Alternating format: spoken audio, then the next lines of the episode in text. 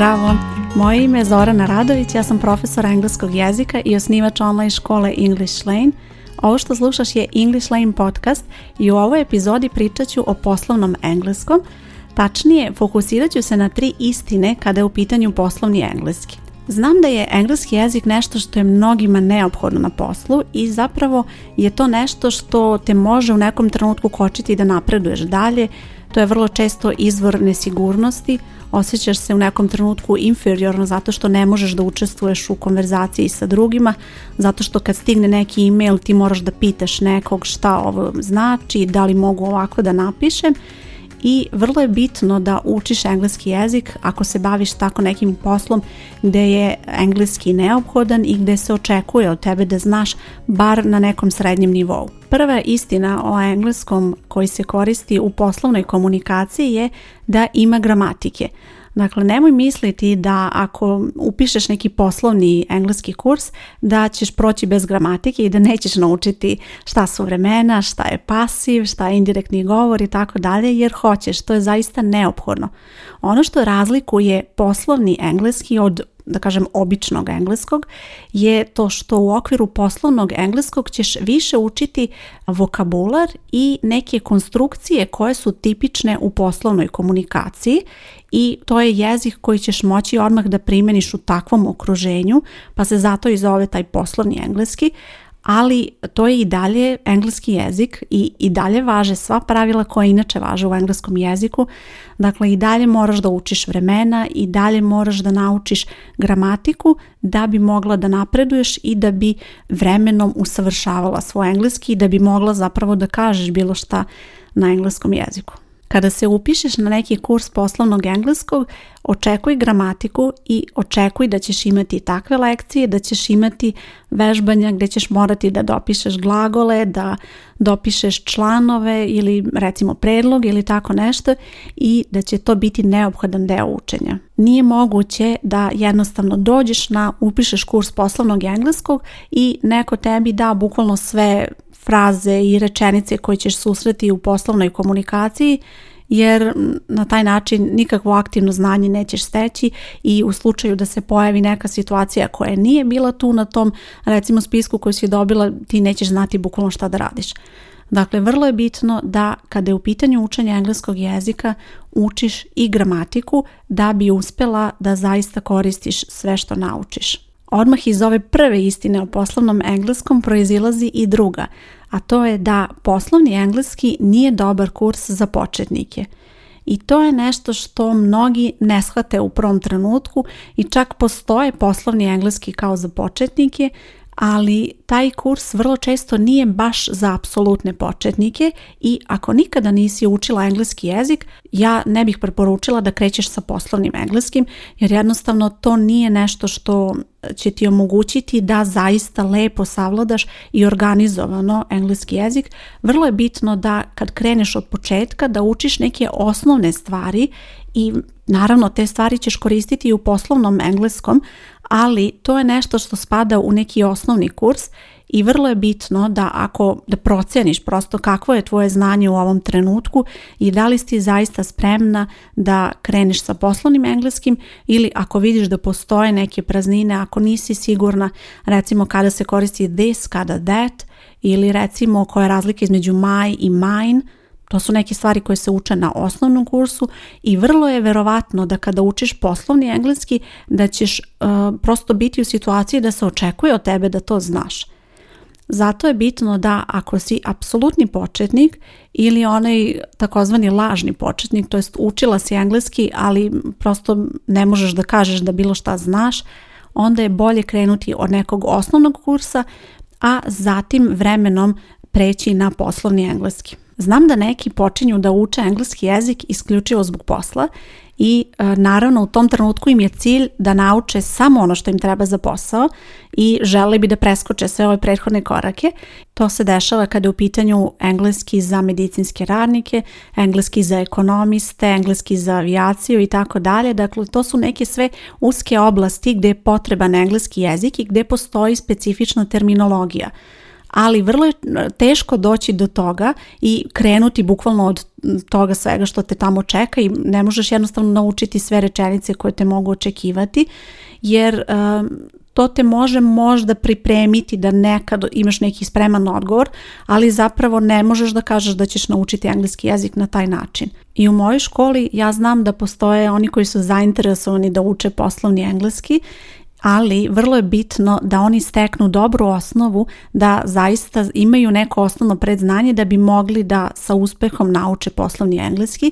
i zato je poslovni engleski četvrti u nizu kurseva za prvi nivo koji je dostupan u mojoj školi. Dakle, polaznici prolaze kroz tri kursa prethodno da bi naučili neophodnu gramatiku i osnovni taj neki vokabular koji će im pomoći da onda kada dođe na red poslovni engleski, oni mogu da se fokusiraju isključivo na reči koje se koriste u poslovnoj komunikaciji, da nauče te reči, da nauče te fraze, a oni su do tog trenutka već naučili kako se gradi present simple, present continuous, past simple, imaju već neko osnovno znanje kada su u pitanju članovi, prisvojni pridevi i tako dalje, da ne nabrajam sad sve ostalo, ali shvataš šta hoću da kažem. Oni imaju odličnu osnovu i to je ono što im omogućava da kada dođe na red poslovni engleski, oni zaista mogu da uče taj kurs sa razumevanjem, nemaju osjećaj da imaju neke rupe i da prosto neke nesigurnosti jer to će te sigurno sprečiti da napreduješ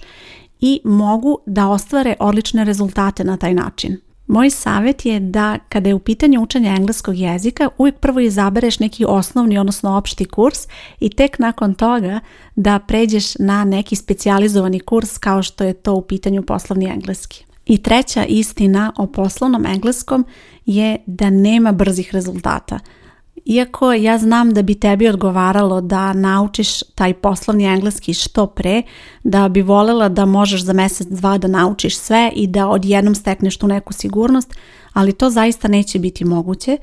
i to je nešto što mogu da potvrdim i na osnovu mog dugogodišnjeg iskustva. Videla sam to dosta puta. Ljudi očekuju da to prosto pohađaju neki taj intenzivni kurs i da u nekom kratkom periodu nauče što više i čak i odvoje vreme da to urade i zaista e, urade sve što se od njih traži, urade zadatke, urade sve te aktivnosti ali jednostavno nije moguće zapamtiti toliko puno u toliko nekom kratkom roku i to je nešto što će te mm, definitivno sprečiti da napreduješ. Jednostavno čak i ako uložiš to vreme i ako se posvetiš učenju engleskog da učeš i po 3-4 sata dnevno,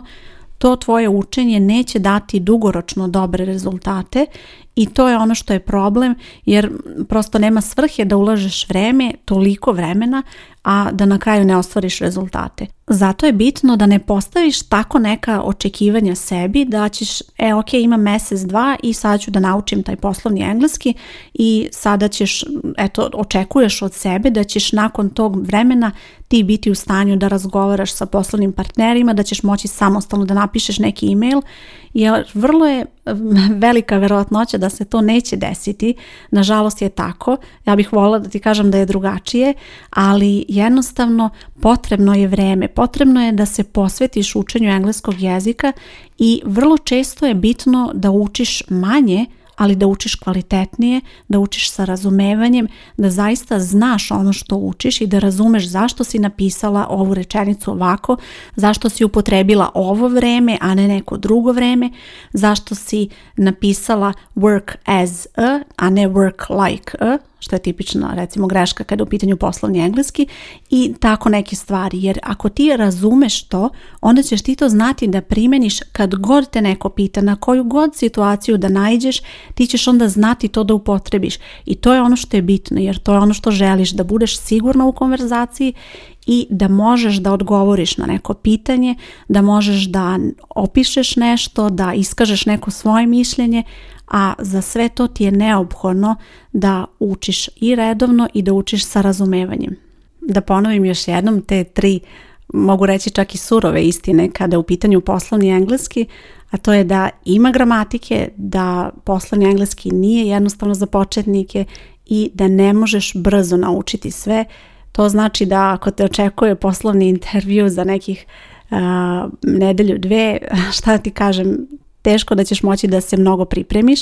Ja recimo imam serijel podcasta o razgovoru za posao na engleskom i ovdje u okviru ove stranice ću linkovati ka tim epizodama jer smatram da će ti to biti korisno, ali imaju u vidu da su takve stvari neko brzo rješenje, da kažem, jer to nije nešto što će ti pružiti osnovu i tu će biti nekih rečenica koje ti nećeš razumeti zašto je upotrebljeno to tako, zašto je tako napisano, ali je nešto što će ti, kažem, biti brzo rešenje da u trenutku pripremiš nešto što e, će ti pomoći kada je recimo razgovor za posao u pitanju, ali ukoliko želiš da se zaista posvetiš učenju engleskog jezika i da naučiš taj poslovni engleski koji će ti pomoći da napreduješ u karijeri i koji će ti omogućiti tu sigurnost koja je tebi potrebna, spremi se da odvojiš neko vrijeme i nemoj misliti da će ti trebati puno vremena, nego jednostavno će ti trebati duži vremenski period. Dakle, treba će ti više meseci nego što si planirala, a na nedeljnom nivou ti neće biti toliko potrebno i smatram da ti nije zapravo potrebno previše vremena u toku nedelje i da veliki broj ljudi jednostavno može da uklopi to u svoju rutinu. To je nešto što inače znam i na osnovu iskustva u mojoj školi. Znam da je polaznicima dovoljno i 2-3 sata u toku nedelje da oni uče rasporede bukvalno kada njima odgovara i da konstantno ostvaruju dobre rezultate i da njihov engleski zvuči sve bolje i bolje, ali kažem naravno to nije način učenja koji može omogućiti rezultate za mjesec, dva, to nije ubrzani kurs, jednostavno to je rutina, to je prilika za učenje engleskog jezika sa odličnim rezultatima, dugoročnim rezultatima, ali je to nešto što od tebe zahteva da se zaista posvetiš tome. Ukoliko osjećaš da je sada za tebe taj trenutak, ukoliko želiš da se posvetiš tome da u narednih šest mjeseci recimo učiš engleski jezik, pa onda i narednih šest mjeseci i godinu i dve i tako dalje i ukoliko želiš da kontinuirano radiš na tome da usavršavaš engleski jezik, Želim da te pozovem da nam se pridružiš i postaneš član English Lane online škole. Učit ćeš potpuno online tako da je učenje u potpunosti prilagođeno tebi, možeš da učiš kada ti želiš. Ali ukoliko osjećaš da u ovom trenutku nisi spremna da se tome zaista posvetiš, onda sačekaj trenutak koji će biti dobar za tebe jer na taj način način ćeš biti sigurna da ćeš se zaista posvetiti tome i da ćeš zaista moći da ostvariš odlične rezultate. Na ovoj stranici gdje slušaš podcast ostavit ću link ka školi ili jednostavno potraži na Google English Lane online škola i pronaći ćeš sve informacije. Ja sam Zorana Radović, hvala ti što slušaš podcast i čujemo se u sljedećoj epizodi. Ćao!